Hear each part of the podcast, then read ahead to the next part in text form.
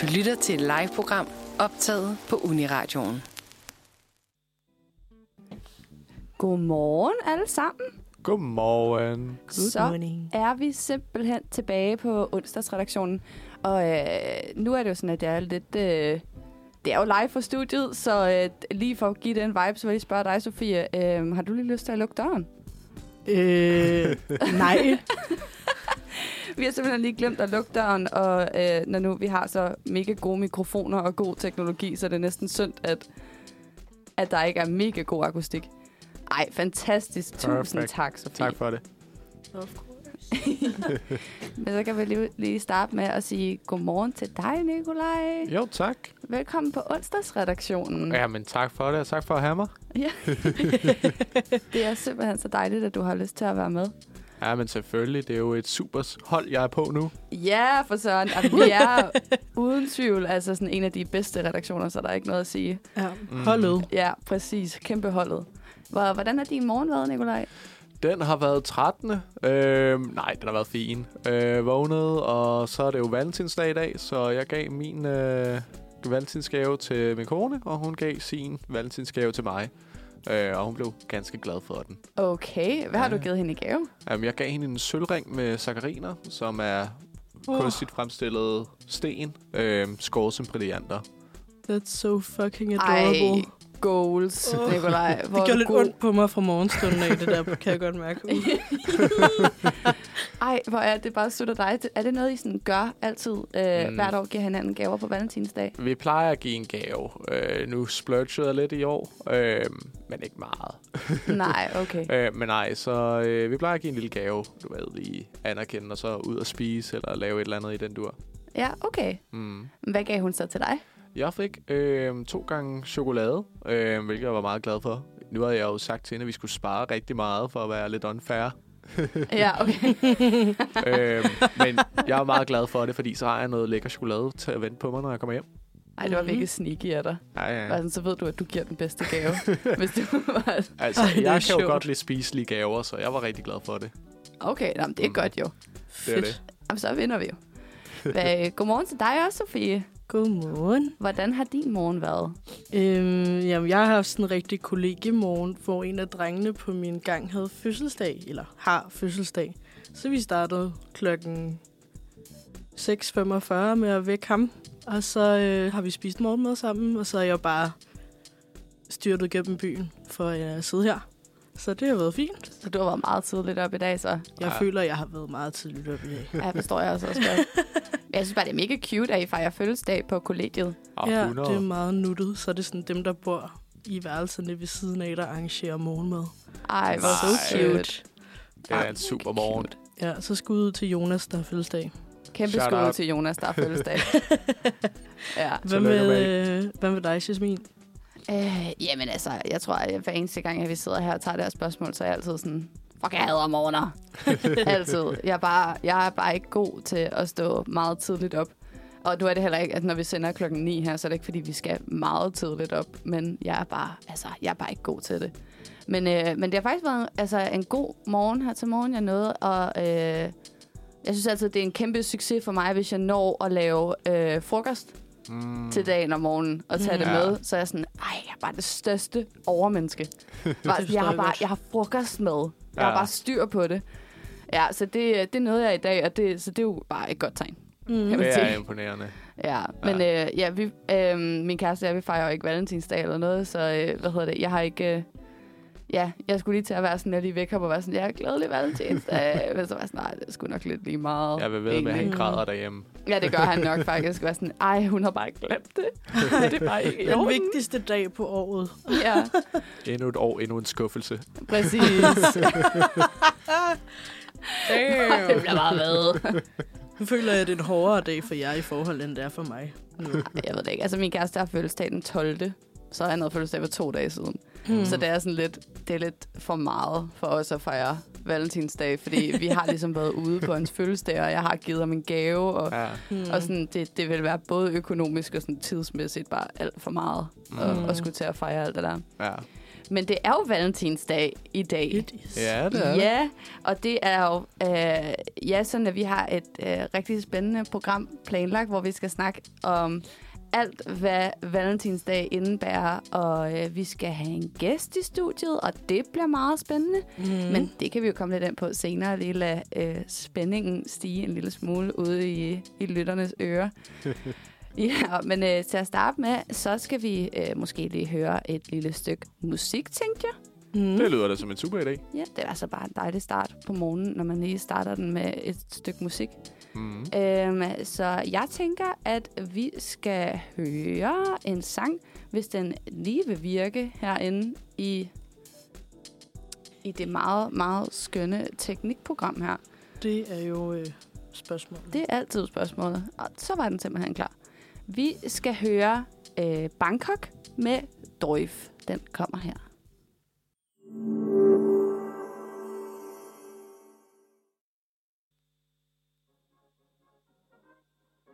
Sådan. Det er... Nej, og altså dem, der lytter til onsdagsprogrammet ofte, de ved godt, hvad den lyd betyder. Kan I høre det? Jeg kan I mærke det? den lyd. Det er en banger. Ja, ja, ja, ja. Det betyder jo nemlig, at vi skal til vores segment, faste segment faktisk, som er vores overskriftsquiz. Yes. Og øh, nu er det jo første gang, at du skal tage den her overskriftsquiz, Nikolaj. Ja, ja, Er ja. du spændt? Jeg håber, jeg vinder. Ja, det, Jeg har banket meget på det her. ja, det forstår jeg godt. Hvad er du egentlig sådan Uha. et øh, konkurrencemenneske? Uh, ja, det er jeg da til en vis grad. Ja, Okay. Jeg, jeg kan da godt lide at vinde. Det vil jeg da ikke lægge bånd på. Du, det kan jeg faktisk alligevel godt forstå.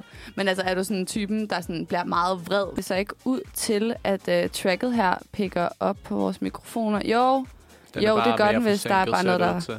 Nå, jeg håber, det er okay ude i folks ører, så det, øh, det må vi jo bare satse på, kan man sige. Ja, Mm. Ja, jeg kigger lige her og er sikker på, at alting er helt i orden. du må lige skrive til os, hvis den er helt gal. Ja, ja ved du hvad, jeg sender os lige en, øh, en DM på Instagram, hvis der er Ja. et eller andet, der er helt kaos. Og når I nu er der, så kan I jo lige svare på vores story. Ja, præcis, det kan I jo. Faktisk, jeg går lige ind på Uniradioen og stil vores gæst et spørgsmål, som kommer senere. Ja. Men for nu, så skal vi altså til overskriftsquizzen. Øh, reglerne er sådan her. I får en overskrift. Mhm. Der er et eller flere ord, som er blanket, som I ikke ved, hvad er. Og så skal I simpelthen gætte, hvad de ord er. Okay. Det er meget simpelt. Blank som blank. Ah. Så det er altså to ord, I skal gætte her. Og så har I tre valgmuligheder. Er det ekstrem stigning i Ozempic som slankemedicin? Er det ekstrem stigning i melatonin som sovemedicin? Eller er det C, er det palen som aknemedicin? Mm, jeg tror, det er B. Det var hurtigt. Hvad siger du? Shit. Sofie? Okay, jeg står bare lige og tænker. Øhm... Hmm. Det havde Nicolaj overhovedet ikke behov for. Nej, Jeg jeg, jeg tænker vil også have sagt. B, men nu, nu, nu, nu føler jeg, at jeg skal sige noget andet, for vi kan ikke starte med at have lige mange, eller lige få point. Det er Mm, derfor, at du skal okay. være hurtig. Okay. Lad være med at tænke bare at sige. Sådan, hvad var, hvad var A og B? Nej, A og C. Altså, altså A, A er Ozempic som slankemedicin, eller Klart. så C er der palen som aknemedicin. øhm, så er jeg jo nødt til at sige A. Så er du nødt til at sige A. Altså, føles det, det føles ikke godt. Det ved jeg ikke endnu. Nej, Det bliver du jo nødt til at fortælle mig. Jeg, jeg føler, du måske har ret. Nu bliver jeg nervøs. ja. ja, ja, ja, det kunne, det kunne være dem alle sammen jo. Jeg er føler det, der- bare ikke, jeg har hørt noget om akne på det seneste, så jeg er sådan, er det den eneste, jeg kan udelukke? Men I don't know. Ja. Nu er det jo svaret. Mm. nu er det jo C. ja, det må vi jo se. Men så lad os da bare komme til det. Og svaret er B, melatonin Yeah. som sovemedicin. Woo. Yes, den fik Nikolaj simpelthen. Uh, det var en Det overskrift. sidder dårligt. Det, det føles rigtig godt, det her. det er gjort den. Damn. Det var simpelthen en overskrift, som øh, er fra BT. Øhm, og det er fordi, at imellem 2012 og 2022 er der set en ekstrem stigning i antallet af danskere, der tager melatonin i forbindelse med søvnproblemer. Det er faktisk en stigning på 349 procent på Hold 10 nu år, ifølge nye tal fra Sundhedsdatastyrelsen. Så det er, altså, det, Det er noget af en stigning. Er det ret hæftigt? Mm. Ja, præcis. Øh, men grunden til, at det bekymrer eksperter, er altså også fordi, at øh, søvnproblemer er et symptom på et dårligt mentalt helbred. Så øh, der bliver altså opfordret her øh, af øh, professor i klinisk neurofysiologi, Paul Jenum, at, øh, at vi skal begynde at kigge på, hvorfor folk har søvnproblemer, mere mm. end øh, hvorfor de tager melatonin. Det er nok en god start, ja. Ja, det synes jeg også. Ja, præcis. Men jeg tror, ja. det hænger sammen med sådan, altså, at jeg synes, vi har hørt meget om, at øh, mentale helbred generelt er Ja. øh, nedadgående. ja. Folk trives ikke særlig godt. Nej. Nej præcis. Men øh, det er vildt, at, sådan, at, øh, at man kan se det på tal Ja. på sovemedicin. Mm. Men det kunne være en blanding af bare normal stress og ja i sociale medier og alt muligt andet. Altså, der er så Ej, mange ja. stresskilder, der kan påvirke din søvn, ikke? Vi er altså også bare et folkefærd, der arbejder. Hvor, altså, at arbejde betyder fucking meget for en. Altså, der er ikke nogen andre, der siger god arbejdsdag. Nej. Altså sådan, hvad er det for noget? Altså, Ja. det er vanvittigt, det fylder så meget. Det kunne altså godt påvirke, det forestiller jeg mig. Mm. Ja. Så lad være med at have en god arbejdsdag. Ja, det Og skal så være Bare have en god dag. Ja, Altså sådan, true. ud over True. det. Der er andet end arbejde. Ej, Det sandt. vise ord fra Sofie. Det, den er jeg 100% med på. 100. Men så står der altså 1-0 til Nikolaj. Yeah. Ja, tak. Men øh, du får lige en chance mere, Sofie, inden, øh, inden at vi skal lytte til noget musik igen. Fedt mand. Så her kommer overskrift nummer to. Blank er handlet for rekordbeløb i januar. Er det A. Fodboldkvinder? B. Super Bowl-reklamer? Eller C. Taylor Swift merch? Oh, den er svær. I januar, taler vi om i år, Kun i januar. Ja, så tror jeg, det er Taylor Swift. så... okay. Ja, Super Bowl Ja. var i f- forgårs eller sådan noget, ikke? Ja, det er rigtigt, faktisk. Åh, det kunne være Super Bowl, faktisk. Men nej, jeg tror, Men det er Taylor reklamerne Swift. kan jo også blive, hvad hedder det, produceret på forhånd, kan man sige. Ja, True. de er jo ligesom nødt til at have købt dem inden, så jeg tror, jeg er på Super Bowl. Det er mærkeligt, hvis de køber dem på dagen, og sådan, nu er det nu! Så er det nu, mand. Jeg ved ikke, jeg holder mig til Taylor Swift merch. Ja, Ja, jeg tager en Super Bowl. okay, okay, okay, okay. Så vi er altså på to forskellige svar her. Og skal vi lige have den igen? Så... Svaret er A. Fodboldkvinder. Virkelig? What? Ja, så der er faktisk ikke nogen af jer, der Let's har ret. go, ladies! Men Ja. altså... men hvad? Alligevel. Ja, det er simpelthen fordi, at der er sat en ny rekord i et transfervindue i januar for fodboldkvinder. I alt har klubber handlet for 2,1 millioner dollars, hvilket svarer til 14,5 millioner kroner. Og det er altså en stigning på mere end 150 procent i forhold til januar 2023. Det fremgår i en rapport for det internationale fodboldforbund FIFA, der blev offentliggjort tirsdag. Men altså, der er, det, det, er, det er et skridt i den rigtige retning, men så vil jeg også lige fortælle jer, at klubber har spenderet 1,4 milliarder dollars for mandlige fodboldspillere. Mm. Altså imod de 14, eller mod de 2,1 millioner dollars øh, på fodboldkvinder. Så vi er altså stadigvæk heller ikke helt der, hvor det, øh, vi er ved at opnå noget lighed på det her felt i hvert fald. Men det interessante er jo så at høre, at stigningen af, du ved, seere så gået op for fodboldkvinder. Ja, præcis. Det synes jeg også godt, man har kunne mærke. Mm. At folk har haft mere lyst til at se kvindefodbold. Mere Mm. end de har haft lyst til tidligere i hvert fald. Ja, men så, øh, så står det jo faktisk stadigvæk 1-0 til Nikolaj. Ej, Sofie. Kom jeg har det ikke fedt lige nu, faktisk. Nej, det er jo faktisk ikke helt jeg i kom orden. faktisk ind med en rigtig god energi i det her studie. Og så har I bare trådt på den. Ja, vi ødelægger dig fuldstændig, Åh, nedbryder dig langsomt. sødme. Og så er kaffen ikke engang god, altså. Ej, ej, nej, den er virkelig dårlig i dag. Hvad hedder det? nu tænker jeg, at vi hører et stykke musik, og så kan Sofie lige gå ind i sit hoved og lige tage sig sammen et Ja. øjeblik. Så nu får du lige en lille pause. nu skal vi simpelthen høre øhm, konstellationer med Hvor er skygge?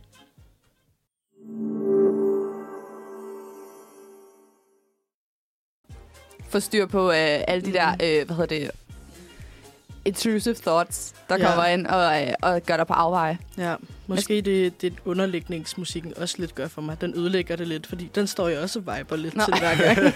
ja, præcis. Ej, det er også bare en kæmpe banger. Jamen, den er fed. Øh, jamen, skal vi ikke bare hoppe videre til den næste så? Jo. Jo. Ja. Okay, overskrift nummer tre.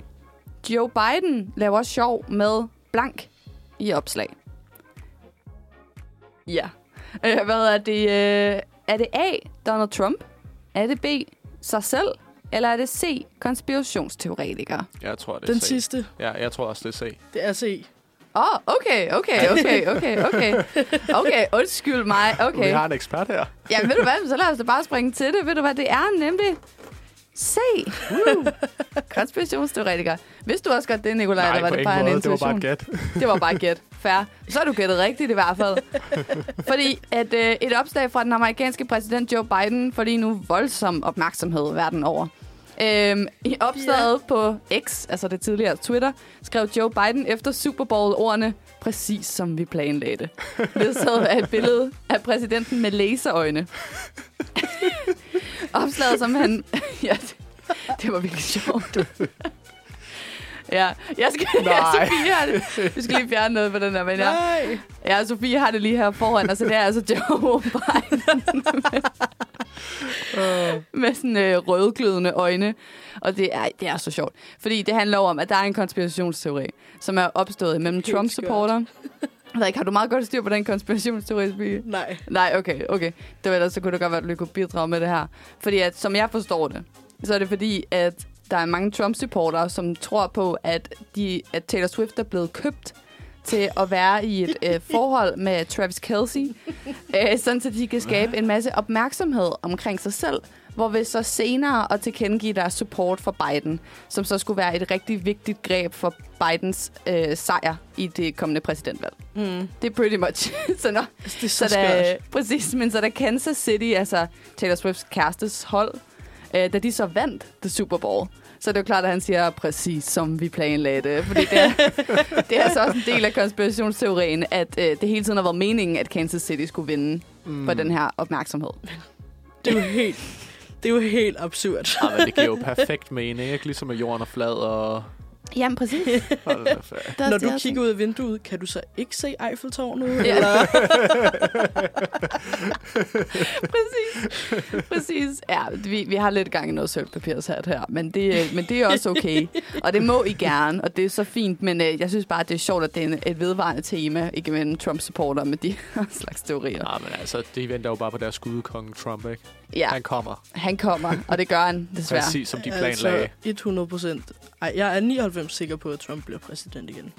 Det Ja, håber jeg fandme præcis. ikke, men lad os nu se, hvad der sker. Der er jo ingen, der håber det, men Nej.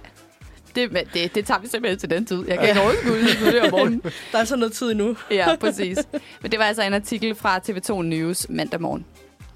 Så øh, nu står det jo faktisk 2-1. Ja, ja, ja. Så Sofie, du har stadigvæk en chance, for vi har jo en tiebreaker, hvis det går helt galt, i hvert fald. Så øh, nu hopper vi videre til den næste. Okay, Jeg er klar. det er godt, det er godt. Det lyder, eksperter, kolon, blank, kan forstyrre Novo Nordisks forskning. Mm-hmm. Ja, Jeg Ja. kan. Jeg kan Jeg kan forstyrre den. Sofie. Novo Nordisk, du ved ikke, hvad der kommer mod dig. Sofie er a force to be reckoned with. Men nu er det, du er til gengæld ikke en, øh, du er ikke en del af valgmulighederne til Sofie. God damn. Ja, jeg er bare ked af det. Er det A, Mette Frederiksen? Er det B, vilde aber? Eller er det C, forsøgskaniner? Mm, jeg føler for B, må jeg sige. Det er irriterende, for jeg vil også sige B. Nej, for helvede altså. Jeg, jeg, jeg holder mig til B. Måske er det bare mig, der har fået lagt den op på en måde, så det er bare nogle svar, der er mere attraktive end andre. ja. Okay, så I kører simpelthen på B. I Ja. står fast? Ja, fair. Mette Frederiksen, hun skal ikke fuck med Novo Nordisk. Det tror jeg ikke, hun tør. Ja, Nej, Alle de nej. penge, hold nu ferie. Nej. Men måske. måske, måske, måske. Men det er altså, så I siger, at det er, at vilde aber kan ja. forstyrre Novo Nordisk forskning. Okay, jamen så lad os se på det. For det er nemlig B. Ja. Vilde aber. Vilde Ja, aber. det kan godt være, at jeg bare ikke har været god nok til at gøre det spændende i den her overskriftsquiz. Men, øh, men ja, det, det er simpelthen fordi, at den lille langhalede malakabe bruges i højere og højere grad som forsøgsdyr hos Novo Nordisk. Øhm, her dikterer virksomhedens retningslinjer, at man kun bruger aber, der er opdrettet i fangenskab. Men med overtagelsen af det amerikanske medicinalfirma Dikerna i 2021, stod Novo Nordisk pludselig med en gruppe forsøgsaber, som man ikke kunne redegøre, hvor kom fra. Mm. Mm-hmm. Ja. Nu har en intern undersøgelse så afsløret, at nogle af de her aber rent faktisk kommer fra den vilde natur, inden de endte på laboratorierne.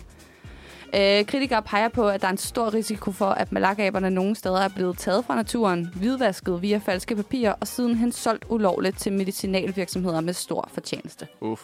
Ja, og det drejer sig altså om 1507 aber. Hold nu kæft. Ja, og så er der altså også et øh, problematisk i forhold til forskningens resultater, for man bliver nødt til at tage hensyn til, at de ikke altså er aber i fangenskab. Ja. Mm. Ja, det er altså DR Nyheder tirsdag eftermiddag, der bragte den. Ja, det var ikke sådan lige det, jeg havde forventet kunne fuck Novo Nordisk op. Men, Nej, øh, vilde aber. Men ved du hvad, fair nok. Fair nok. Ja, de der vilde, vilde aber der. Men det er selvfølgelig forfærdeligt, hvis, de er, hvis der er været hvidvask involveret og alt det der. Det går ikke for sådan en altså, milliardvirksomhed som Novo Nordisk at have haft nogle hvidvaskaber. Nej, Ej, så får man lidt et dårligt rygte. lidt, øh, ja, den er lidt presset, ikke? Det har lige sådan, at med hvidvask, der havde jeg ikke lige tænkt sådan, vilde aber. Det er det, vi hvidvasker. Nej, men altså, der er jo blevet fan- fanget en elefantfod i tolden, ikke? Altså, de tager alt muligt. Ej, hvad, hvad, hvor ja, går der? vi har en i Zoo, øh, hvor øh, vi har sådan en, ud, en elefantfod, som skulle bruges til at holde papyr. Så den øh, fangede vi i tolden, så har vi taget den med ind. Okay. Wait, Ja, ja. what? Ja, ja. Så har du sådan en elefantfod, som er blevet øh, udhulet, og så er det bare huden tilbage og neglen og sådan noget. Så skulle den bruges til paraplyer. Så den har vi nu oppe i øh, Zoo. Ej, Vi bruger den til at vise øh, frem til børn og sådan noget. Okay. Ja. Vi har alt muligt fra tolden, som er blevet nappet og bragt tilbage til os. Hvem havde lige den, den med i deres kuffert? Der var sådan, ja, ja, forlænget weekend. Lad mig lige huske min elefantfod. What? Ja, okay. Nå, Ja. fair. Jeg har flere spørgsmål til det her, kan jeg godt mærke. Ja. Men ja, nu er det jo altså sådan, at øh, det simpelthen står 3-2 til Nikolaj. Ja. Ja. Yeah. Men det er også unfair, fordi Sofie havde jo faktisk ret. Også, nej, det er ikke unfair. Men Sofie Jo. havde faktisk også ret. De Hun sidste lavede to. sit valg. Ja, true. True, true, true. Og næste Men gang, jeg så skal jeg nok... pris på det. Tak, fordi du lå mig vinde. ja. Det er kun, fordi du er ny. Det er det. Ej, det er godt. Og tillykke til dig, Jeg Nikolaj. er godt kæmpet. Tak, tak, Ja. tak, tak. Og tak for modstanden. Ja, Du var en værdig modstander. tak, tak. Ja, så ved du hvad, nu tænker jeg, at øh, du får simpelthen lov til at få... Din... Ej, det var lidt en sjov sang, jeg valgte til din vindersang, der Nikolaj. Men øh, hvad hedder det? Du får simpelthen lov til, at, at din vindersang bliver Teenage Temper med EXO Nina. det synes jeg passer meget godt. Let's go. Ja, vi ses tilbage efter noget musik, der kommer her.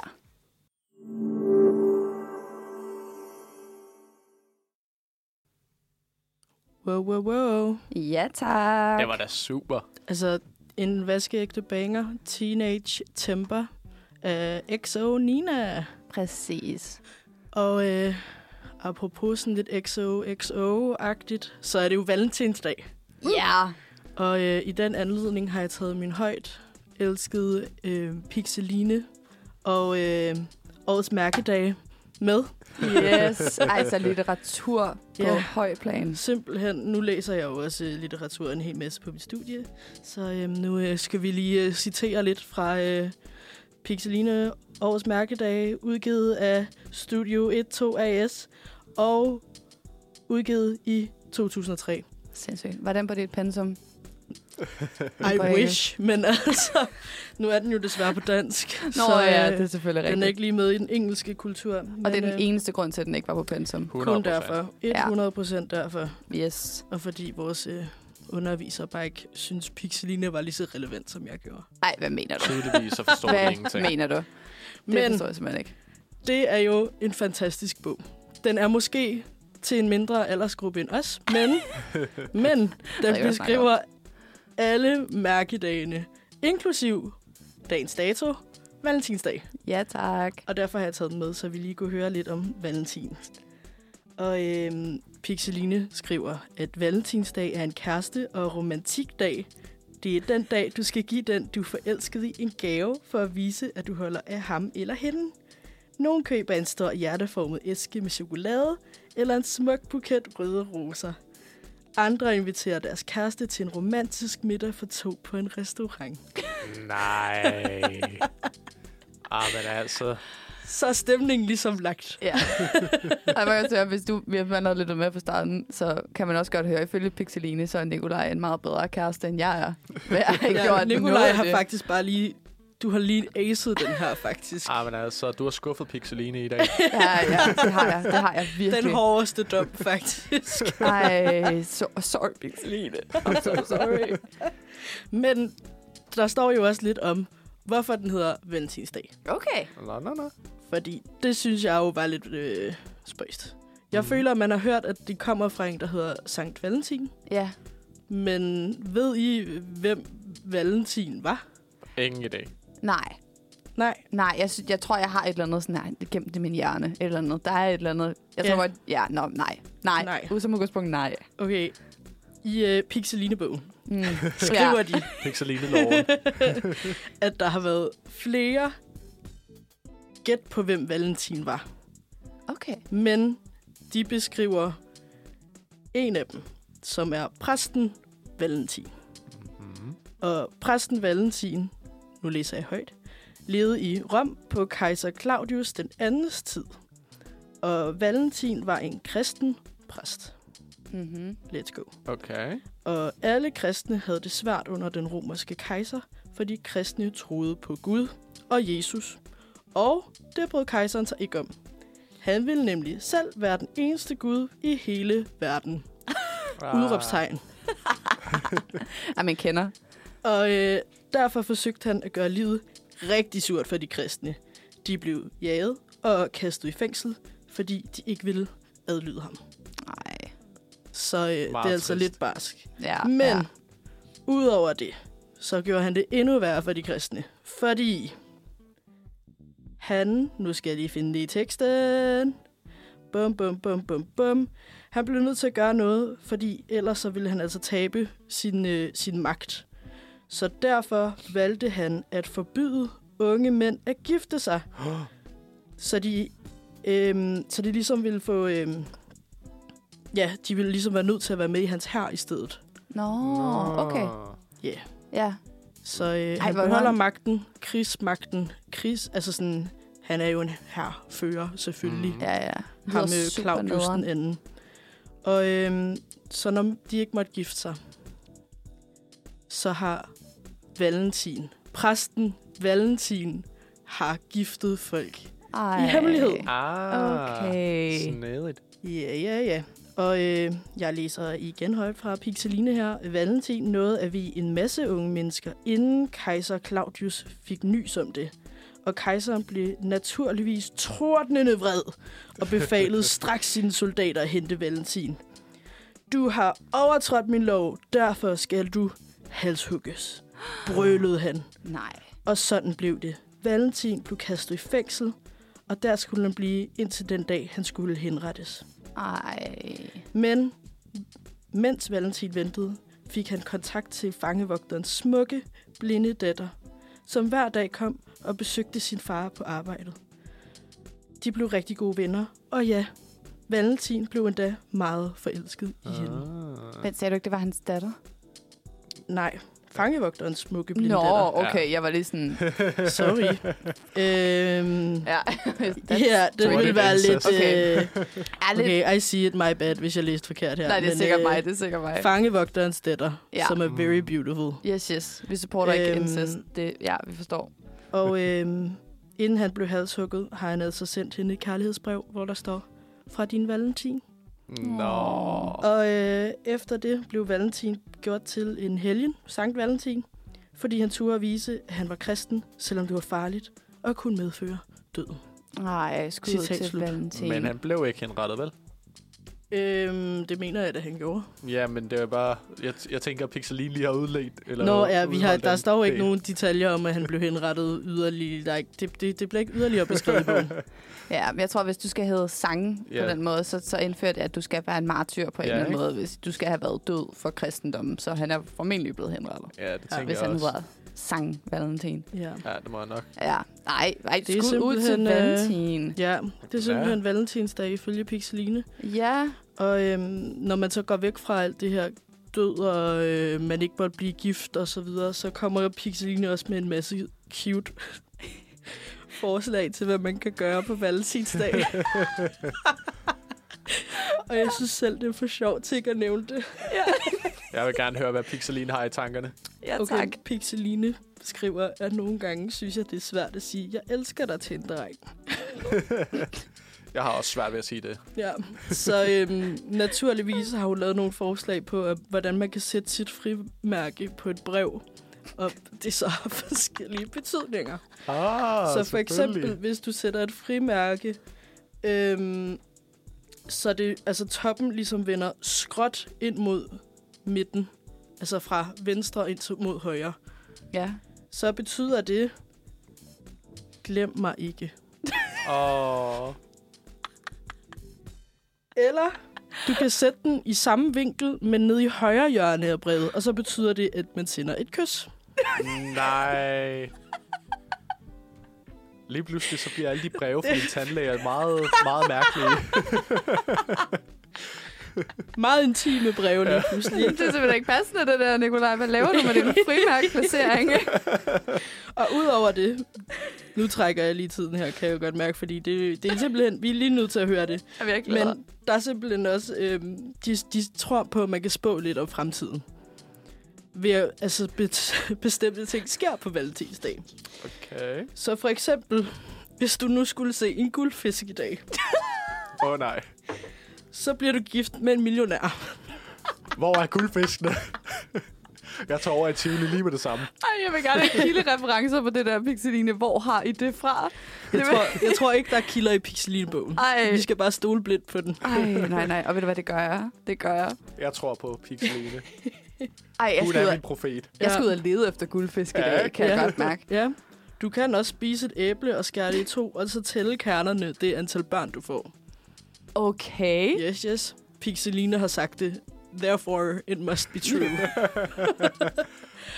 Det er nogle sindssygt gode råd for Pixeline. ja, jeg tænker, at øh, det må være et skud ud, hvis du, øh, hvis du nu mangler nogle øh, valentinsdags tips, Hmm. så må du lige øh, købe dig en Pixeline-bog. Og, Ej, hvor er det Ingen genialt. tvivl om det. Nej, hvor er det genialt. Men det er også rigtigt, fordi det kan godt være svært at sige, at man elsker, man elsker dig til en dreng. ja. Mm. Det forstår jeg godt, Så Pixeline. drejer du bare lige frimærket den rigtige vej, Ja. så er den der. Så er den der. det er da godt nok finder også. ud af det lige med det samme. Det kan jeg stå inden for. Ja, De tænker helt vildt meget over placeringen af klister, Ja, ja, ja. eller frimærker altså, hedder hver det. gang jeg fandt bare et helt normalt frimærke, ikke, så blev jeg så skuffet. Ja, Ingen præcis. vinkel på Det det. Ikke ingen- nede i højre hjørne. Jeg er det du lige. noget? Ja, Ingen kys med det her brev. præcis. Nå, men så skal... Ej, skud ud til Pixeline. Det var nogle virkelig, Pixeline. virkelig gode råd. Ja. Og til Ja. alle jer, der sidder derude, der bare prøver at fortælle en dreng, at I elsker dem, så har I fået nogle rigtig gode værktøjer til, hvordan I kan få det gjort, uden rigtigt at sige det. Så det er bare mega skønt. Nu tænker jeg, at vi skal høre lidt en lidt... Jeg går ud fra, at det er lidt en kærlighedssang. For det tænker jeg passer godt. Cute. Ja, yeah, præcis. Vi skal høre Dine Øjne med Frederik Ø.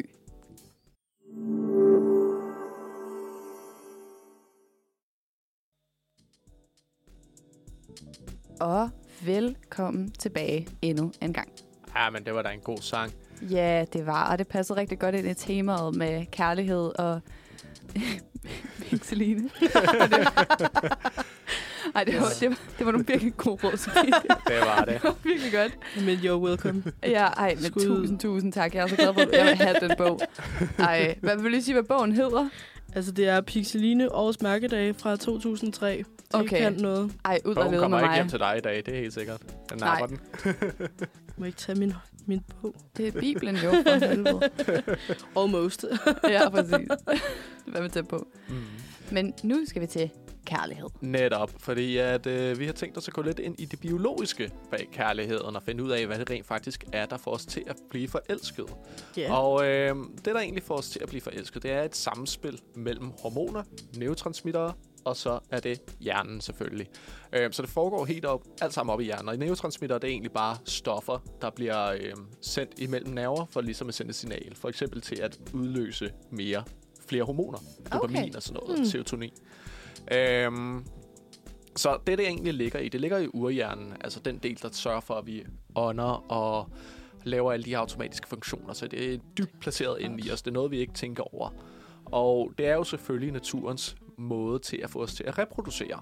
Øhm, så når du ser en, vi ved stadig ikke helt, hvad det er, der ligesom udløser det, men når du ser en, som du er seksuelt tiltrukket til, eller tiltrukket til, så begynder du at få det her skud af dopamin og serotonin, til ligesom at få, give dig et glædesboost. Lidt ligesom hvis du tog stoffer.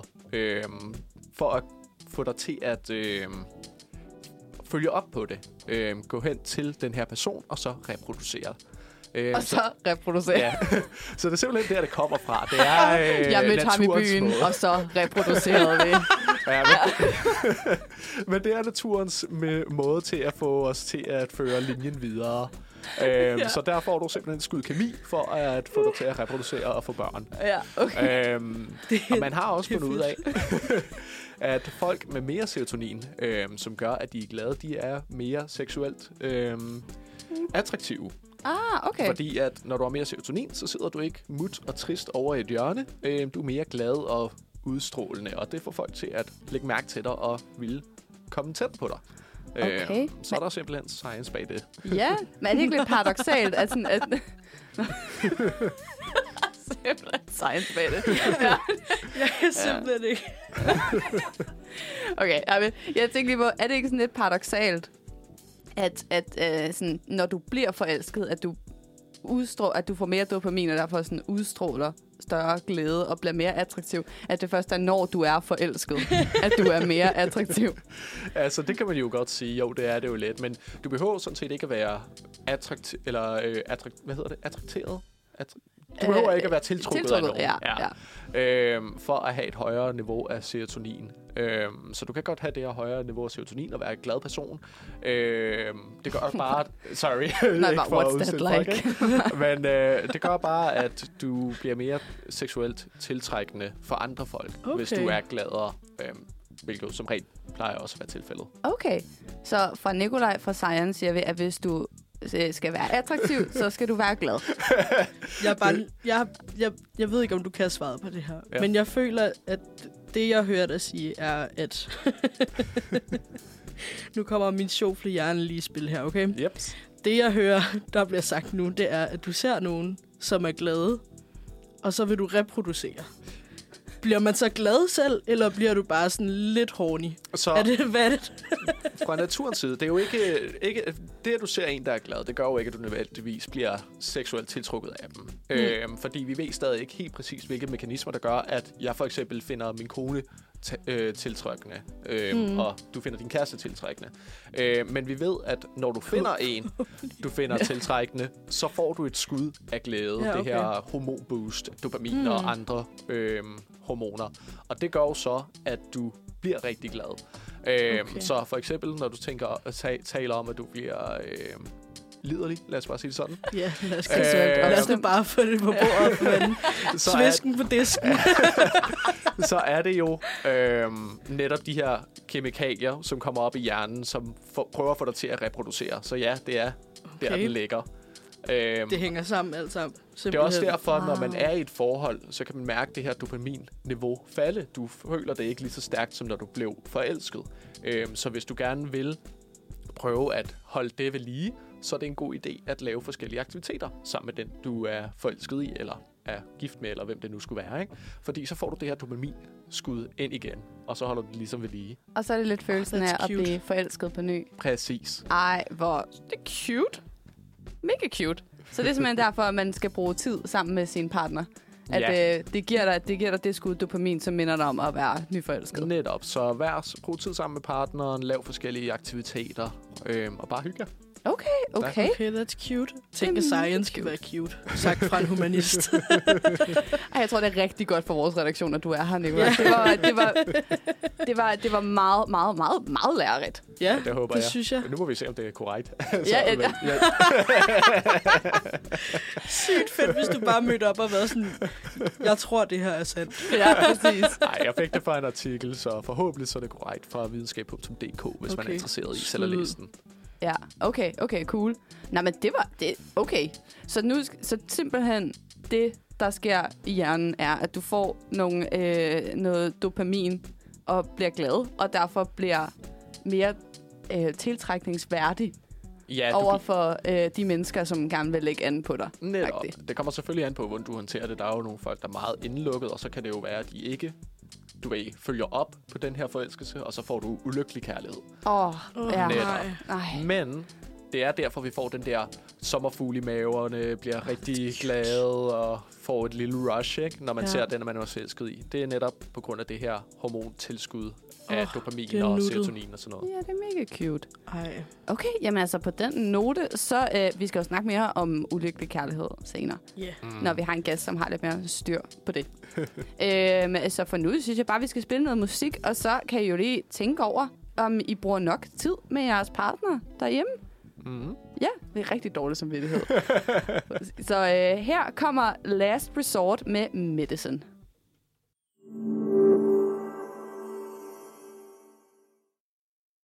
Øhm, jeg vil sige, jeg, jeg føler, øh, måske jeg lige skal skrue en lille bitte tand ned. Og Ja. jeg synes, jeg, jeg, jeg ved ikke, om jeg kan lide... Jamen, det kan godt være, at jeg var skruet for højt op. Ja, det var altså bare høres. Øh, hvad hedder det? Men en anden måde, man kan snakke om kærlighed på. For nu har vi jo lige været omkring det meget biologiske og det videnskabelige del af kærlighed. Noget lidt mere spirituelt og følelsesmæssigt omkring kærlighed, er jo ideen om kærlighedssprog. Mm. Og det ved jeg, er det noget, som I er bekendt med? Er det ikke bare måde, man viser kærlighed på? Jo, jo, pretty much. Jeg kender det godt. Ja, Lidt. ja det er både, altså, jeg tror, at det, det er jo sådan lidt dit, altså vidderligt dit kærlighedssprog. Så Mm. hvis du forestiller dig, at ligesom at man snakker dansk og engelsk, så er det måden, man snakker kærlighed. Ja. Så øh, vidderligt. Cute. Meget cute. meget, meget cute. Så, øh, og det, kan der, det er der jo nogle forskellige øh, hvad hedder det, måder, man kan gøre på. Og det er ret vigtigt øh, imellem parrelationer, at man ligesom har styr på, hvad det ligesom er, der både er dit kærlighedssprog, og hvad der ligesom er din kærestes kærlighedssprog. For der er Mhm. nemlig fem forskellige. Nå, fem. Der er fem forskellige. Og øh, den første, det er anerkendende ord, som kan fungere som i opmundring og ros. Så kan det være tid til hinanden, som kan være i form af opmærksomhed. Fysisk berøring, sådan intimitet og sex. Og så har vi hjælpsomhed i form af tjenester, for eksempel. Og generositet, gen, generøsitet undskyld, øh, for eksempel i form af gaver. Mm. Og det betyder også altså, at øh, hvis du for eksempel er en person, som, hvor dit kærlighedssprog er kvalitetstid eller tid til hinanden, så betyder det, at den måde, som du både viser kærlighed på, og den måde, som du forstår, kærlighed bliver vist til dig på, er at bruge tid sammen med hinanden. Mm. Og så er det jo rigtig ærgerligt, hvis man så har en partner, som ikke forstår, at tid til hinanden er kærlighed, og de forstår det som om, at generøsitet er kærlighed Ah, så ja. giver han dig, han eller hun, så giver din partner dig en masse gaver hele tiden, og du er sådan, ved du hvad, jeg har ikke brug for alle de her smykker. Gider du ikke godt bare komme hjem, så vi kan spise aftensmad sammen? -agtigt? Og det kan ske, at, man, at der opstår en masse øh, øh, misforståelser og en masse øv samtaler imellem, øh, i, imellem partnerskabet. Kan man Mm. sige. Er det noget, som I kan genkende? Fordi det er jo også noget, der fungerer i nære relationer, som venner for eksempel, Ja. og familie. Mm. Altså personligt så har jeg da haft lidt øh, problemer med det selv. Øh, jeg plejer at give gaver og øh, hvad var det? Komplimenter, jeg tror. Den øverste, ikke? Mm. Øh, Ja. Og så bare lave ting for Julia, ikke? Ja. Ja. og hun er mere øh, berørings- og øh, bruge tid sammen. Hvilket Ja. Mm. jeg har ikke noget imod det, men det er ikke det, som den måde, jeg viser kærlighed mest på, ikke? Ja, Så det kan jo godt, mm. der, Mhm. der skulle jeg lige vende mig til det. ja. Jeg omjusterer lidt. Præcis. Mm. Men der er selvfølgelig noget, du mærker sådan, er imellem, øh, sådan, også i nære relationer og i venskaber. Mm. Mm, meget, synes jeg. Ja. Mm, ja, altså, nu har vi jo taget en test. Ja, det var også nemlig det. Og jeg vidste egentlig godt, hvad den ville sige, inden jeg tog testen. Og every time jeg tager en test, så er det sådan, okay, du er helt klar til sådan noget fysisk kontakt, eller altså, ligesom Julia åbenbart, Mm. øh, at man skal bruge sådan kvalitetstid Ja. med Ja. hinanden. Det er altid min sådan, top to. Mm. Øhm, så det, øh, det kan jeg godt mærke lidt i forhold til også øh, min, ja, at være sammen med mine venner. Altså, fordi jeg er nok meget en type, der skal sådan hen og kramme folk. Nu står ah. jeg sådan og krammer mig selv herinde i radioen. Det er selvfølgelig svært at se. Men øh, det, ja, det er en ting, jeg gør meget, tror jeg. Altså sådan skal hen og være i nærheden af dem, jeg sådan holder tæt. Mm. For vidderligt at holde dem tæt. Men det giver jo også god mening, ikke? Og det er jo Mhm. også dejligt at få en krammer og alt sådan noget. Mm. Øhm, og der er jeg jo igen mere over i den give gaver, øhm, Mhm. også blandt venner og sådan noget, ikke? Mm, klart. Øhm, og hvis folk undrer sig over, hvor uh, Jasmin bliver af, så er det bare, fordi hun lige henter gæsten. Mm. Så hun er her om et sekund. Ja, det er jo spændende. Vi får jo øh, Maja ind lige om lidt. Ja, ja, ja. Og så kan vi høre, hvad deres kærlighedssprog er. Ja, det er altså lidt spændende. Så skal vi høre lidt mere om, øh, ja, vi skal jo snakke om lidt blandet med Maja her lige om lidt. Mm. Så måske skal vi, øh, måske skal vi lige høre et stykke musik. Skal vi høre et stykke så, musik? Det kan vi øh, sagtens. så får vi lige Maja ind i studiet. Yes. Fedt. Jamen, i så fald, så tænker jeg, at vi tager øh, en sang, der hedder E, ser det ud til, af Tamara. Og den kommer her, så må I rigtig nyde den.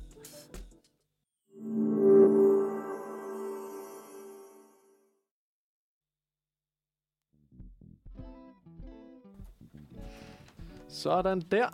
Så Yes. har vi simpelthen E af Tamara.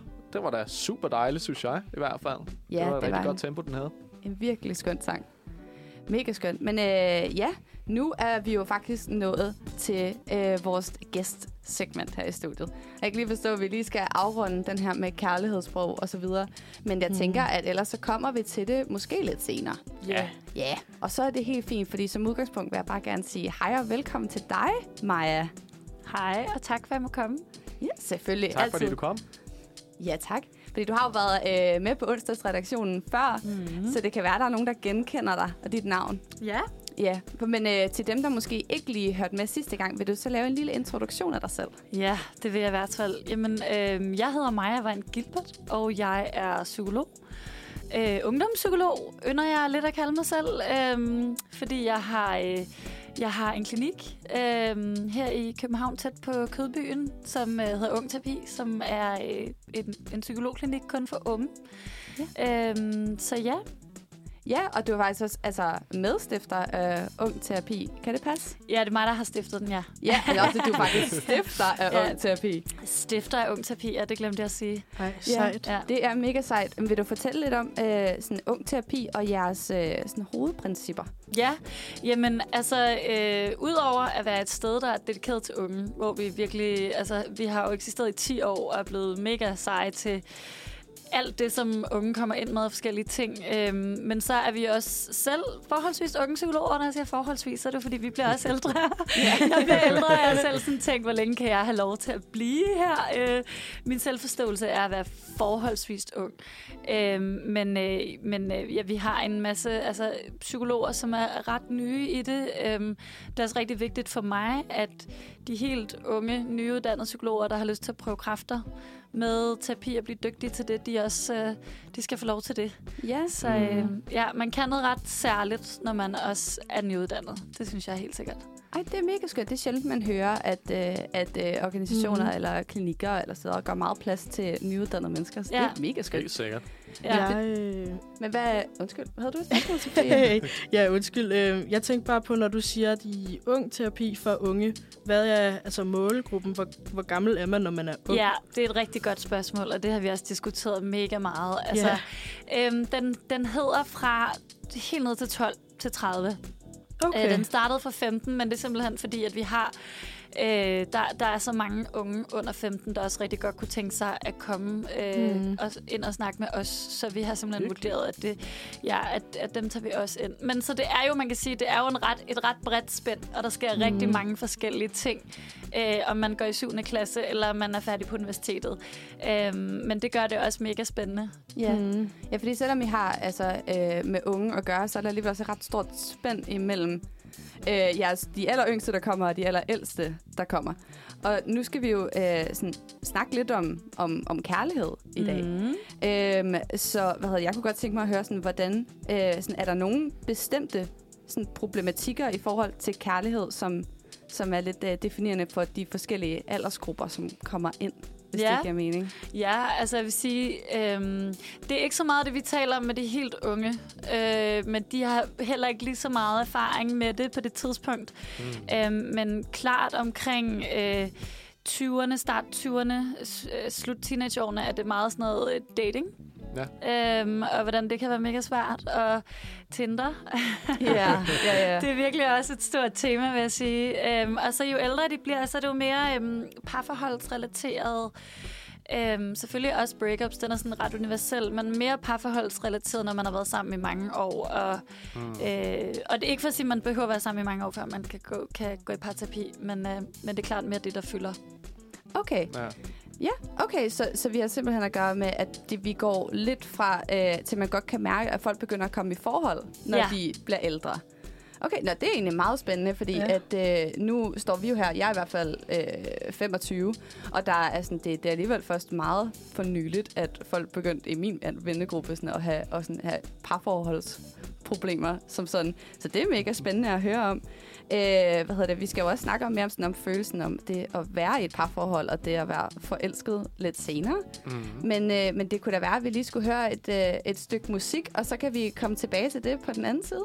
Ja, det kan vi da sagtens. Ja. Jamen, øh, i så fald, så tænker jeg, at vi tager Back in the Days af Who Are You, og øh, lytter til dem. Oh, to sekunder. Den drillede lidt der. Sådan der. Så her kommer Who Are You. Øh, sorry. Back in the Days af Who Are You. I må rigtig nyde den.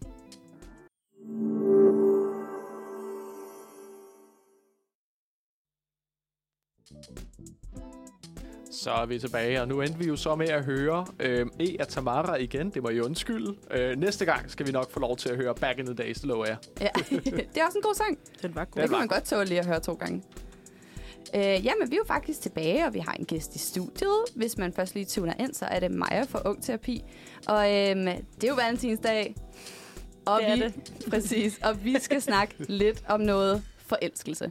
Mm. Og vi har jo godt nok lige været sådan lidt omkring det på vores øh, eget niveau, kan man sige. Men jeg gad godt at spørge dig, Maja, om kan man sige noget generelt om, hvad det vil sige at være forelsket? Ja, altså nu, nu kan jeg forstå, at jeg har sådan tidligere fået talt om alle de her kemiske processer, der er i hjernen. For det er jo Mm. ret fremtrædende, det her med dopaminen, som fyrer rundt i hovedet, som jo, eller i hele kroppen jo, som, som nærmest kan sammenlignes. Altså det er i hvert fald også det, som, som vores krop fyldes op af, når vi spiser lækker mad, en chokoladekage, men, men faktisk også, når vi tager stoffer. Så det er jo det der, vi taler om, at, at love is intoxicating. Det er det Ja. jo faktisk også øh, på nogle måder. Øhm, så det vi, det vi ved, udover at de her stoffer i høj grad kører rundt i kroppen, det er jo, at øh, vores kognitive bedømmelser også falder. Altså, vi, vi bliver faktisk, vi tænker ikke lige så meget over sådan, hvem er det måske egentlig, jeg er forelsket i alle de her praktiske ting, andre mennesker måske kan sige og sådan noget, fordi vi er nemlig så meget i den her følelse af forelskelse. Øhm, det, det plejer at vare sådan et par måneder til maks et halvt år, at vi er i den her sådan virkelig sådan forelskelsesros. Øhm, og så går vi sådan videre til nyere stadier af kærlighed, kan man måske godt kalde det for. At det bliver sådan en spirende kærlighed, som er baseret på tilknytning, frem for sådan den her enorme ros, vi egentlig er i. Okay, så det er sådan et, altså, øh, så man går fra, at det er sådan en over, overvældende tilstand, man er i, til noget, der bliver sådan lidt mere nede på jorden. Ja. Ja. Men hvordan, øh, for vi, vi rørte det lige, da vi begyndte at snakke om øh, den biologiske proces, med ulykkelig kærlighed, mm. eller ulykkelig forelskelse. Fordi det er jo ikke øh, noget, som man forbinder med ulykkelig forelskelse, er jo ikke det her ros af dopamin, selvom man jo er forelsket. Mm. Så hvordan adskiller det så sådan rent følelsesmæssigt? Ja, men man kan sige, det er jo det, er jo det samme som en forelskelse. Du er ramt af en samme, den samme ros, som bare aldrig bliver forløst. Mm. Og det er jo det, der er rigtig svært, at det, sådan, det, det, det bobler ind i en en masse energi, men det får et, sådan, et negativt udfald i stedet for noget positivt, noget du kan give til nogen, noget, noget, noget du kan udtrykke. Du kan ikke udtrykke det, øhm, og du føler heller ikke, at du får det igen, du har brug for i det. Øhm, så man kan sige, at det er jo i virkeligheden også, fordi den er så kraftig i en, at den så, altså den positive energi, eller den store energi, hvis man kan sige det sådan, at når den ikke får et, en forløsning, så bliver det vendt indad, så bliver man enormt ked af det, og så bliver det sådan en mm. rutsjebanetur på den måde i stedet for. Men man har målt, at der, altså sådan, der er sindssygt meget stress i kroppen, og at det øhm, på mange måder er det jo også en meget sådan... Øh, øh, splittet følelse at være i, når man er ulykkelig forelsket, fordi man jo både er ekstremt øh, sådan forelsket i nogen, og, og projicerer alle de positive ting i livet over på den her person, men samtidig kan man også være enormt vred på vedkommende, fordi hvorfor ser du mig ikke, eller hvorfor er du sammen med en anden. Øh, jalousi og en, en stor sorg er i virkeligheden også øh, det, der kendetegner det, fordi at man ligesom ens, ens drømme ud i verden, som man har med sig selv og fremtiden, kan ikke blive til noget. Hmm.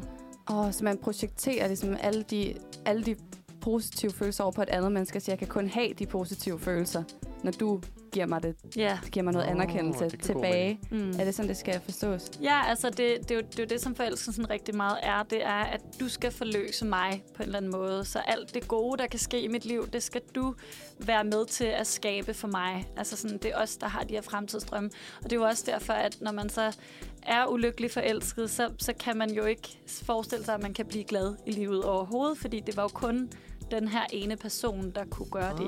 Ah, Ej, altså. Det giver god mening. Ja, altså super sørgeligt. Men Ja. er virkelig Ja, forfærdeligt. meget. Ja. Det er, en, altså, det er hardcore at være Mm. ulykkelig forelsket, det er det. ja, men det er nemlig det, fordi vi snakkede også om, da vi øh, skulle sidde og, og, og lave det her program og sådan noget, ideen om, at vi tager ret let på, øh, på, på hjertesorger og sådan noget. Sådan ret generelt er det sådan lidt, nå, men tid heler alle sorg, og ja. så skal du bare lige snakke lidt med dine venner og sådan noget. Altså, oplever du, at, at, at, at de hjertesorger, som folk kommer til jer med, er, sådan, er, er der, hvor man, hvor man tænker, at det, det er meget alvorligt. Øh, meget alvorligt problem. Altså, det, det, er jo, det er jo det samme, som det er med alt muligt andet slags sorg i virkeligheden, og det er derfor, jeg godt kan lide altså, ordet hjertesorg, fordi det er jo en, en sorg, det er jo en, et, en relation til et menneske, som er brast, som, som ikke kommer tilbage, eller som ikke bliver det, som man havde, havde drømt om. Øhm, ja, og, og på samme måde som alt muligt andet sorg, så er det ikke noget, man kommer sig over, men noget, man lærer at leve med. Og det er sådan, jeg, jeg tror, det er en ret vigtig skældning, fordi der kan være sådan et pres i, at man skal komme over noget, eller igennem et eller andet, og så er man forkert, hvis man ikke, altså hvis man stadigvæk har det sådan. Jeg tror, at øh, langt de fleste mennesker kan stadigvæk huske deres allerførste kærlighed, og at det stadigvæk er lidt et stik i hjertet, eller det er selvfølgelig også nogle gode minder, men, men der er et element af sorg i det stadigvæk, selvom det er mange, mange, mange år siden for mange. Ikke? Ej, okay. Så det er simpelthen ikke noget, som man skal forvente at kunne komme over, men noget, man skal forvente at kunne leve med. Ja, det tror jeg i, bed- i højere grad, men at det også gerne må være der. Det er jo ikke fordi, at man sådan er ramt af det hver eneste dag og tænker på det. Og, altså, det er i virkeligheden der, hvor man begynder... Der, hvor at det bliver et problem, er jo der, hvor følelserne overtager en så meget af tristhed og sorg, og man bliver forhindret til at komme videre i sit liv og til at gøre de ting, der betyder noget for en. Øhm, men, men følelserne må jo gerne være der indvendigt. Og man kan sige, hvis man jo, jo mere man går ud i verden igen og begynder at date, eller bare tage ud med nogle venner og så videre, jo, jo mere får man noget ny erfaring i livet, som gør, at man får det på afstand, og der hele tiden som kommer noget mere oven på det gamle. Mm. Og det skal man jo være i stand til, ellers sidder man jo fast i det. Øhm, ja. ja.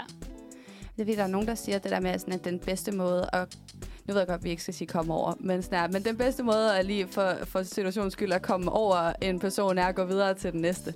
Mm. Så sådan lidt det med sådan at komme, komme ud i livet og sådan noget. Tror du, at det er, at, er det sådan en helt konkret måde at be, altså behandle i situationstegn hjertesorger, at, at komme ud i livet og blive forelsket i en anden person? Det kan det være for nogen. Altså igen, vi har rigtig mange forskellige coping-mekanismer. Hvis det er noget af det, der hjælper en med at finde glæden ved livet igen, øhm, så kan det jo godt være en god ting. Og hvis man igennem et nyt forhold kan bearbejde det gamle, fordi det kan man godt, og man kan godt se paralleller, man kan godt blive klogere og sige, gud, øh, hende her eller ham her gør jo det stik modsatte, og det er bare meget bedre for mig, kan jeg mærke, end det der. Det bliver også en måde, man sådan kan, kan lægge noget andet mere bag sig. Men, men for nogen er det ikke en specielt god ting, at man Mm. bare hopper videre til en andet menneske, hvis det bliver en, en eskapisme, hvor man aldrig nogensinde skal vende tilbage til det gamle, og ikke ser sig et sekund bagud. Øhm, men, men igen, vi er så forskellige, så det er virkelig, altså det er også det, man skal huske med de der gode gamle ordsprog, ikke? Altså, ja, nogen fungerer det for, andre gør det altså bare ikke. Ja, ja, klart. Ja, det, det havde også været vildt, hvis man var sådan, ja, holder bare stik. Den er der bare, det skal du bare gøre. Men det giver god mening, at man kan tage den med, at det er vel aldrig en, en dårlig ting, og i hvert fald at komme ud i verden og opsøge nogle af de rigtig gode følelser. Og øh, hvad, hvad, hvad er det, hormoner? Man kan Ja. ja. sige, Mm. ja, de der øh, stoffer i andre gør en glad og sådan noget, og opsøge dem andet sted. Så det kan jo umuligt være en dårlig idé, Mm. tænker jeg. Nej. Ja, men øh, det synes jeg rundede ret godt af med mm. forelskelse. Øhm, så det kan være, at øh, vi skulle høre et stykke musik, og så kan vi vende tilbage senere med sådan lidt mere øh, parforholdsrelateret indhold. Uh. Uh, spændende. Ja, det bliver så spændende. Jamen, øh, den her gang, så er det rent faktisk Back in the Days af Who Are You. Yes, så, Så- får vi lov. Nu får I lov til at lytte til den. I må have en rigtig god øh, lytter.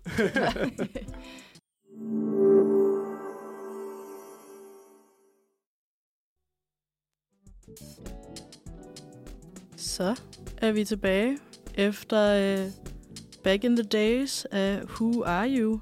Og vi har jo dig med, uh, Maja med i studiet. Mm. Og vi har lige snakket lidt om det her med forelskelse. Og øh, ulykkelig forelskelse, og hvordan det føles. Og øh, så har vi snakket lidt om, det kunne være virkelig interessant at høre lidt om forhold. Altså sådan parforhold i forhold til, øh, hvordan man kan bruge sådan en terapi til måske at hjælpe og sådan bearbejde nogle forskellige ting. Øhm, så det vil vi egentlig gerne snakke lidt om. Og øh, det første spørgsmål kommer jo fra os, der uvidende går til det her tema om parterapi. Men hvordan vil en sådan, terapisession foregå, eller hvordan vil den se ud?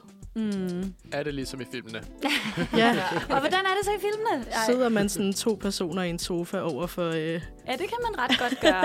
altså, jeg ved ikke, jeg kan ikke helt finde, finde, finde ud af, hvordan man ellers skulle sidde, men, men så jo, det sidder man for det meste. Øhm, og, og parterapi kan jo være ret forskelligt, alt afhængig af, hvordan, altså hvilken terapiform, som, som øh, terapeuten praktiserer, men, men som regel vil det øh, være ret meget i fokus, at øh, det er terapeuten, der styrer samtalen, som er, hvad kan man sige, øh, giver ordet til den ene og giver ordet til den anden. Sådan vil det i hvert fald være øh, hos mig. Øhm, fordi at særligt i forhold med, med højt konfliktniveau, så øh, er det jo kendetegnet ved, at man, man, aldrig, man ikke rigtig lytter til hinanden og taler færdigt. Øhm, så det fokus er blandt andet på, at man ægte lytter, og at øh, ofte så skal der ikke så meget til. Øh, det er sådan et, et, et lille greb, men et ret vigtigt greb, at man øh, spejler hinanden, og man bliver hjulpet til at spejle og, og gentage, hvad er det, jeg egentlig har hørt den anden sige. Øhm, fordi det kan vi være utrolig dårligt til i et forhold. Vi kan have så mange idéer om, hvad er det, du mente med det, du sagde, og så er det det, vi reagerer på, i stedet for, hvad var det egentlig, der blev sagt. mm. Ja. Øhm, så allerede der er vi ude på et skråplan. Og det kan, det kan gøre noget ret vildt, det der med at bare føle sig lyttet til. Hmm. Øhm, Fedt. Så det er... Øh, bare for at tegne det sådan lidt øh, groft op. Det er lidt en structural debate. Altså dig, der er ordstyreren. og så er der to sider, som ligesom måske skal...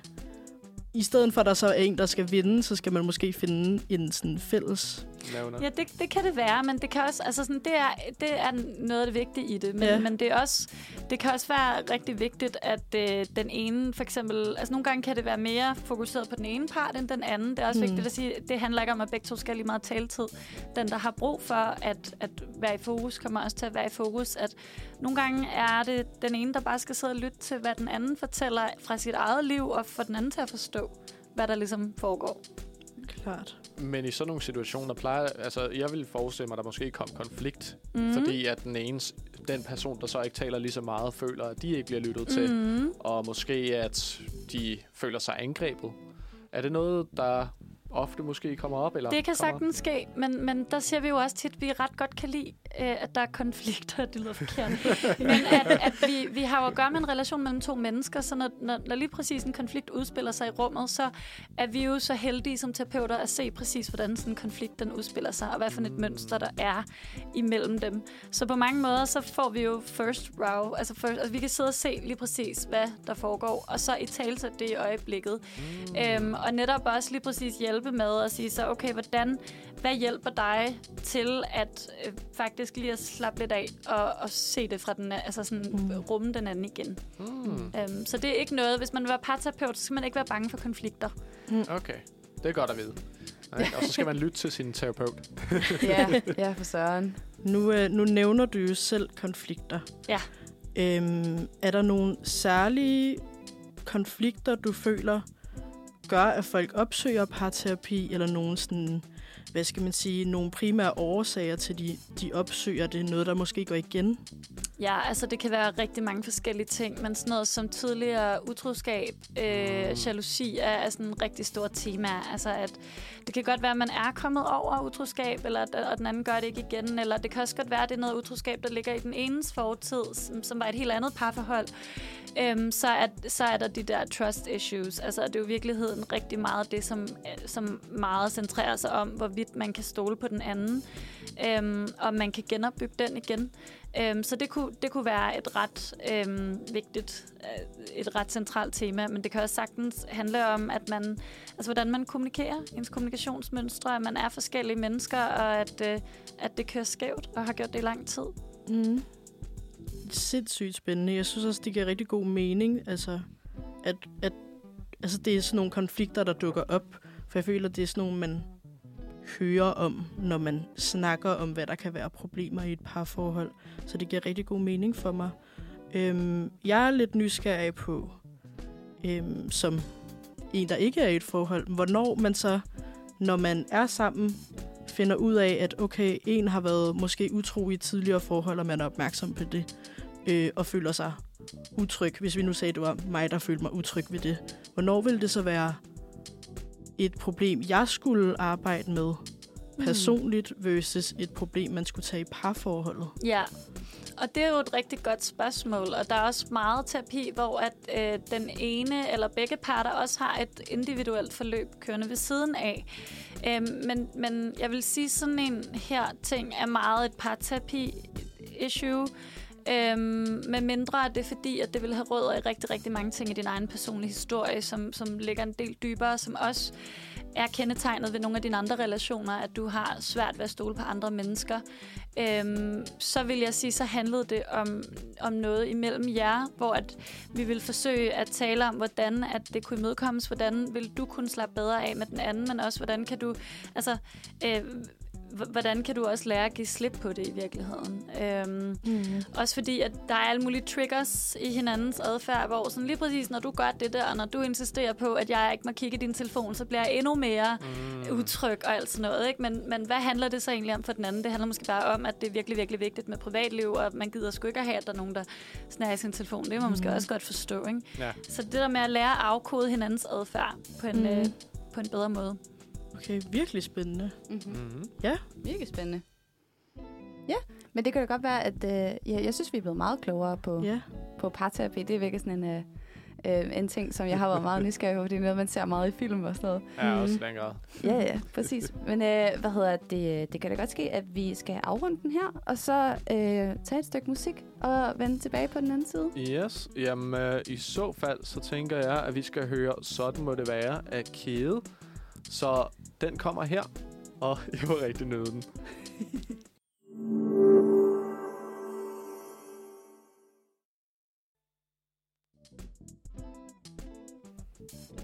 Halløj. Så er vi tilbage. Ja, Det er vi. velkommen tilbage i studiet. Hvis det skulle være gået nogen forbi, så lytter I til Manfred. det er da Øh, meget godt at sige. Det er onsdag, klokken er 10.37, og vi har Maja med i studiet. Mm. Og øh, nu er vi nået til, øh, vi skal have sådan en lille brevkasse med øh, kærlighedsspørgsmål. Vi har jo valgt at kalde dig vores kærlighedsekspert. i Ej, dag. hvor fedt. Ja, fedt. altså bare en fed titel. ja, det er så.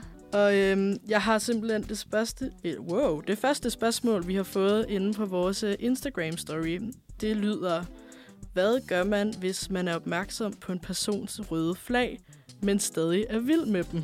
Mm. Og røde flag, ikke? Altså, det kunne være alt muligt Mm. forskelligt. Ja, det kan det jo- nemlig. Alene der er der sådan et... Øhm, mm, men hvis vi skal tage det sådan fuldstændigt, øhm, som, hvor vi... Ja, røde flag kan være det, der er røde flag for dig derude, der lytter. Øhm, jamen, øhm, hmm, det er faktisk et rigtig godt spørgsmål. Altså, øhm, jeg tror, at øhm, det kommer selvfølgelig meget ind på, hvad de røde flag er. Men jeg tror faktisk også, det er vigtigt, at man passer på sig selv. Øhm, fordi at når man kaster sig ud i noget, i hvert fald hvis man er forelsket, så er det rigtig svært at trække i bremsen bagefter. Øhm, men, men der kunne også være et perspektiv, der hedder, at man skal prøve det af, og så se, hvad der, er, der egentlig sker. Jeg tror også, det har meget at gøre med ens egen historik. Hvor god er jeg til at sige fra, og hvor god er jeg til at mærke mine egne grænser, og har jeg en historie med at gå ind i nogle forhold, som jeg godt ved fra start er sådan ikke så gode. Mm. Øhm, men når jeg lader mig sådan carry away alligevel, eller er jeg egentlig en, der sådan har ret godt styr på, hvor, hvornår jeg skal sige fra? Øhm, så jeg tror i virkeligheden også, det handler meget om det. Det er klart, hvis man godt ved, at man har en tendens til at også at være sårbar i relationer og øh, blive manipuleret eller sådan lavet sig overrumple af andre, så kan det nok være et meget godt idé at være, vil jeg sige. Mm. Øhm, så, så både og sådan ish svar. Ja, Ja, okay. det synes jeg giver god mening. Det giver virkelig god mening, men det er også Mm. klart, at det er individuelt. Ja. Og, øh, og fordi jeg, jeg synes bare, at øh, sådan, i min historik med venskaber og sådan noget, synes jeg også, at der findes mennesker derude, øh, som, som er lidt gentagende har den tendens til at opsøge mennesker, som mm. de godt ved måske ikke lige øh, var, øh, var, var de mennesker, de skulle være sammen med. Det er sådan et selvdestruktivt adfærd på en eller anden måde. Sådan et, Ja. det, det er lidt tosset. Men det er godt at vide, at man bare skal være opmærksom på sin egen historik. Jeg det er lige sikker på, om præcis. Det, Ja. Ja, om det er noget. Fedt. Ja, Jamen lad os sige, det var det første svar. Ja, Er der øh, Ja, ja, skal en, der vi- vil tage den næste? Det kan du tro. Øh, I forhold til, øh, nu snakkede vi lige om, sådan, øh, hvornår man skal, hvor, hvor, hvornår røde flag bliver for mange røde flag. Men sådan, hvad, kan du sætte nogle ord på, hvad er det perfekte match? Oh. Uh. Ja, jeg havde ordet perfekt, så, så sådan, Ja. men et, øh, det kan være mange ting. Øh, jeg tænker, det grundlæggende set er to mennesker, der har respekt for hinanden. Altså, der er jo både der er jo mange niveauer, man kan matche på, ikke? og det tror jeg også er rigtig vigtigt, at, at vi inddeler det på. Der kan både være et kropsligt niveau, et tiltrækningsmæssigt niveau, der kan være et intellektuelt niveau, der kan være et menneskeligt niveau, der kan være historik, at man matcher, og man forstår hinandens historie mega godt. Øhm, og det tror jeg er ret vigtigt, at man gør sig, at man bliver opmærksom på, at man kan sagtens matche mega godt på nogle planer, men så er der nogle andre, hvor det kører helt af sporet. Øhm, og jeg tror, at det allervigtigste, altså selvfølgelig er det tiltrækningsmæssigt også øh, alfa og omega, ikke? Men menneskeligt er det også sindssygt vigtigt, at man øh, kan være forskellig, men alligevel respekterer hinanden, og at øh, man øh, har så meget jeg kan sige, indsigt i sig selv og hinanden, at, øh, at man ved, hvornår man selv bliver øh, en udfordring at være sammen med. Øhm, så jeg tror, at det der med at sige noget er et perfekt match, altså vi ændrer os jo også som mennesker.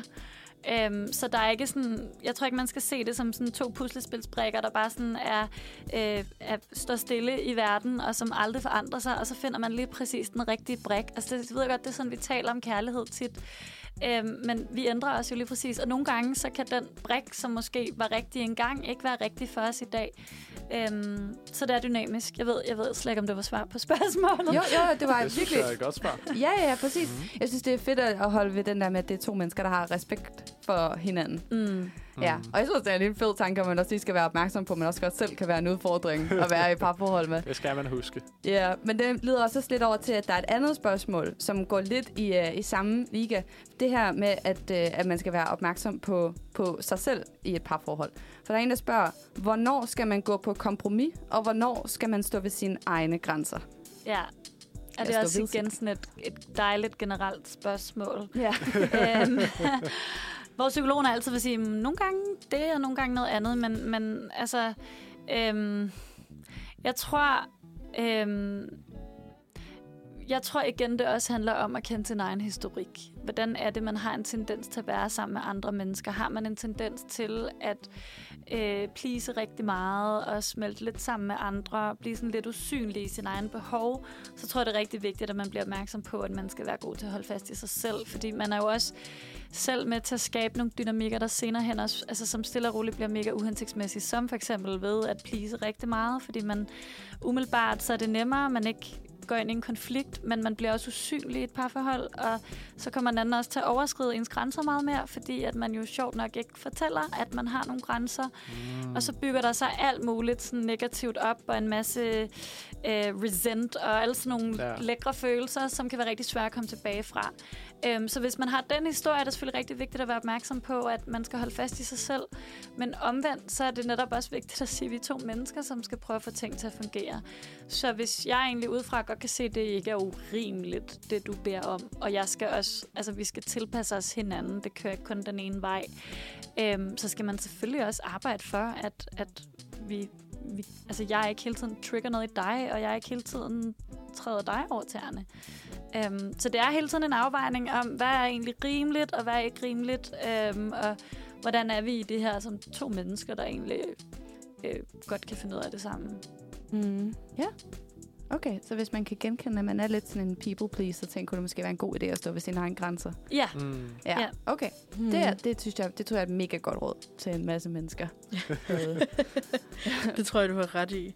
Øhm, skal vi lige tage en sidste, og så høre et øh, stykke musik bagefter? det synes jeg er en rigtig god idé. Okay, jeg har en her, der hedder, øh, tror du på ideen om, at opposites attract, eller er du øh, tilhænger af det her med, at man skal have en partner, der minder om sig selv? Oh. og det er jo igen også noget, der kommer an Ja. på og opposites do attract. Og nogle gange, så tror jeg, at vi også kommer til at tale om det, som om, at det er to vidt forskellige ting. Altså, man kan jo godt have det samme i, i en partner. Du kan både have, der kan både være nogle sider, som er enormt anderledes for en selv, hvor det virkelig er opposites. Men der kan også være nogle dele af ens, hvor at man kan genkende hinanden. Og jeg tror, jeg tror virkelig, at måske, det er i hvert fald fra mit perspektiv, at den, det handler meget om den gode blanding. Fordi altså, hvor du virkelig er forskellig fra hinanden, det, det kræver bare ofte et meget, meget stort arbejde i parforholdet, at blive ved med at minde sig selv om, at wow, jeg skal respektere den, det, den anden er. Og der, der er bare et meget stort oversættelsesarbejde hele tiden, hvor det ikke nødvendigvis falder ind naturligt at forstå den anden. Altså man, vi forstår altid hinanden ud fra os selv. Øhm, og det skal man så virkelig, virkelig være opmærksom på, når det er opposites attract, at okay, jeg skal hele tiden oversætte det her i den anden. Altså, hvad var det nu, det egentlig betød for den anden? Det er ikke det, jeg umiddelbart tror, fordi det er noget helt andet, der foregår mm. over i den anden. Og det kan være rigtig, rigtig svært, og det er hårdt arbejde. Øhm, omvendt, så kan vi lære sindssygt meget af hinanden, når det er, vi er forskellige. Og øh, vi siger jo også ofte, at det er vores egne undertrykte aspekter, af os selv, noget af det, vi ville ønske, at vi havde udlevet eller udlevet i verden, som vi finder tiltrækkende hos den anden, fordi vi kan lære noget af den anden. Øhm, så, men, men jeg tror, altså jeg tror, at et parforhold kan blive for hårdt at være i, hvis det bare altså kun er, øh, er opposites. Altså jeg tænker, man skal også have noget, man kan genkende sig selv og hinanden i, og hvor man kan mødes, uden at det er så svært hele tiden. Mm. Mm. Det synes jeg giver god mening. Det er også måske lidt af, at vi snakkede lige kort om det her kærlighedssprog, og om at man har forskellige, øh, og at du, Nikolaj, måske har nogle andre end, end din, øh, din kone. Ja. Og det der med, at man så igen er nødt til at sådan oversætte og finde ud af, okay, men du er måske ikke så meget til physical touch, men det er jeg. Mm. Øh, og så finde ud af, hvad, hvordan samarbejder vi i, i det her. Ja. Det er virkelig interessant. Ja. Mm. Fedt. Ej, jeg er total øh, high on love i dag, kan jeg godt mærke. High on love Skal and vi learning. ikke, øh, ja. Skal vi ikke høre et stykke øh, lækkert musik, og så øh, tage nogle flere spørgsmål, inden øh, vi er jo desværre nødt til at runde af om ikke alt for lang tid. Ja, desværre Ja, altså. Godt Ja. ja. så hurtigt. det gør det. Øhm, den her gang så lytter vi til Collusion af Asta, og I må rigtig nyde det.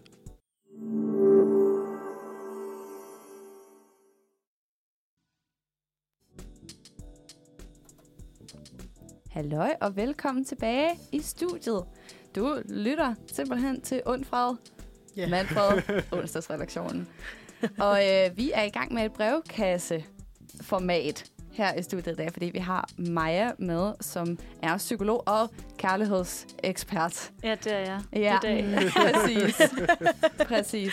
Så nu har vi lidt flere spørgsmål, vi skal skyde din retning, øh, og så ser vi så ser vi simpelthen på det hele, fordi der er nogen, der har skrevet. Jeg er i tvivl om, jeg skal blive med min kæreste.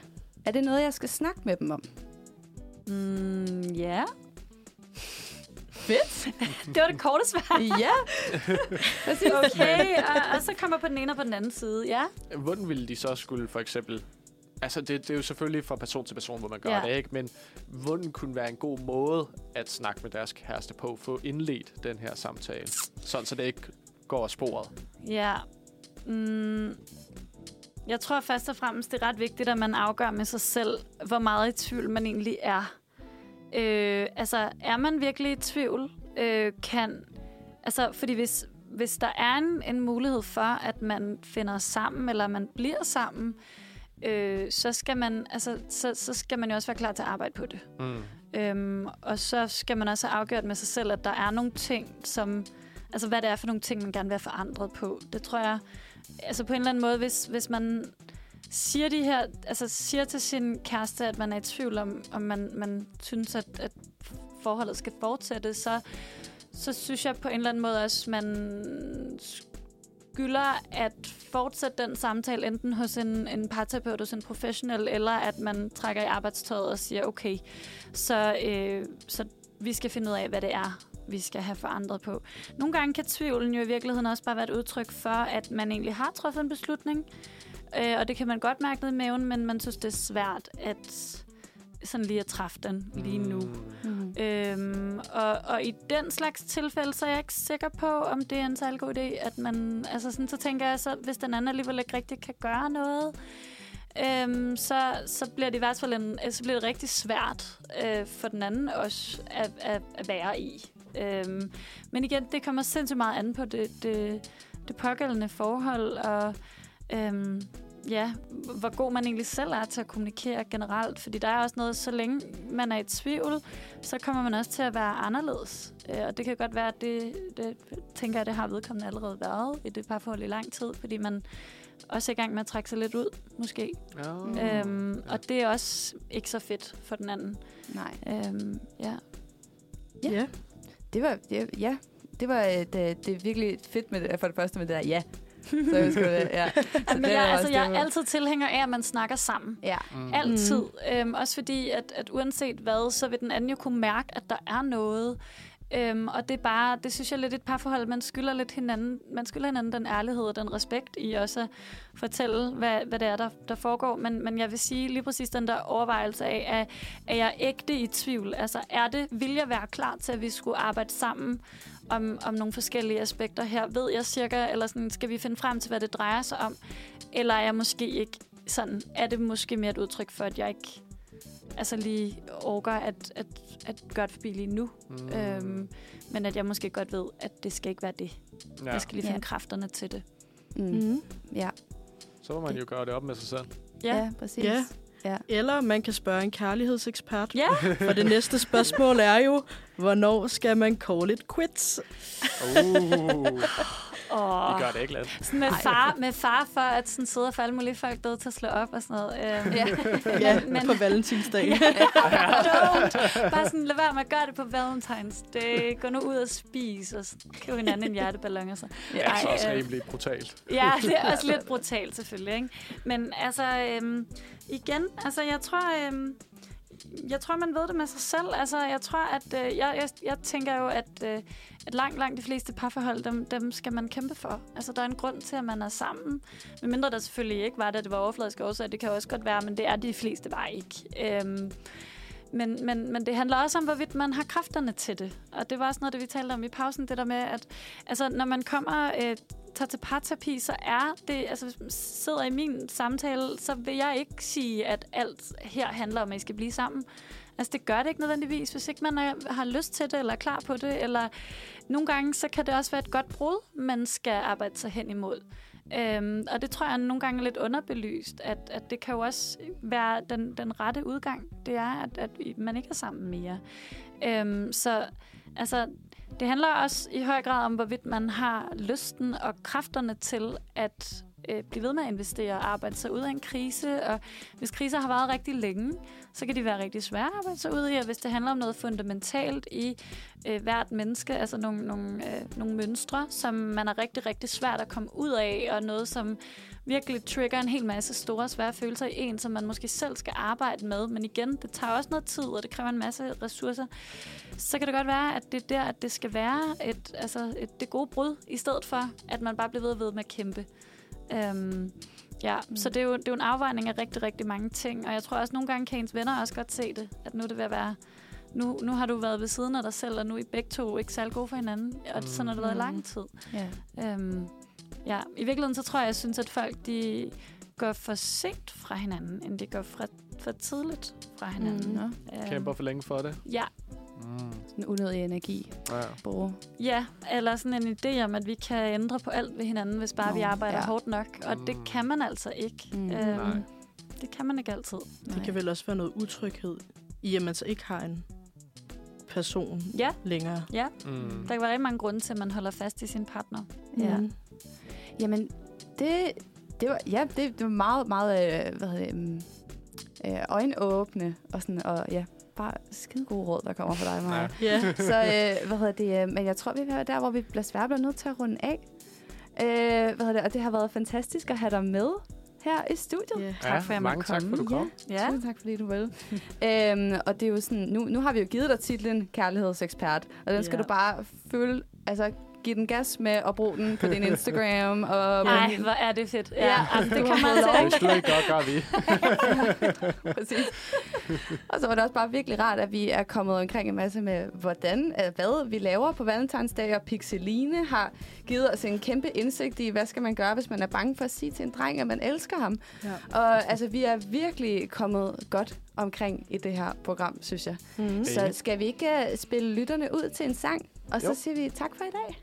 Det Det synes jeg. synes jeg er en vildt god idé. Ja. Ja. Ja, øh, jamen, øh, jeg tænker, at det sidste nummer, vi skal lytte til, det må være øh, Island, er simpelthen. Så lad os øh, lytte til det, og så siger vi tusind tak for i dag. Tak fordi du kom ind, Maja. Og øh, husk, at der kører Manfred igen i morgen, 9-11. Og det bliver også fedt. Det gør det. Og så må I have en god dag indtil da. God dag. Ha' en rigtig god dag, og tak mig.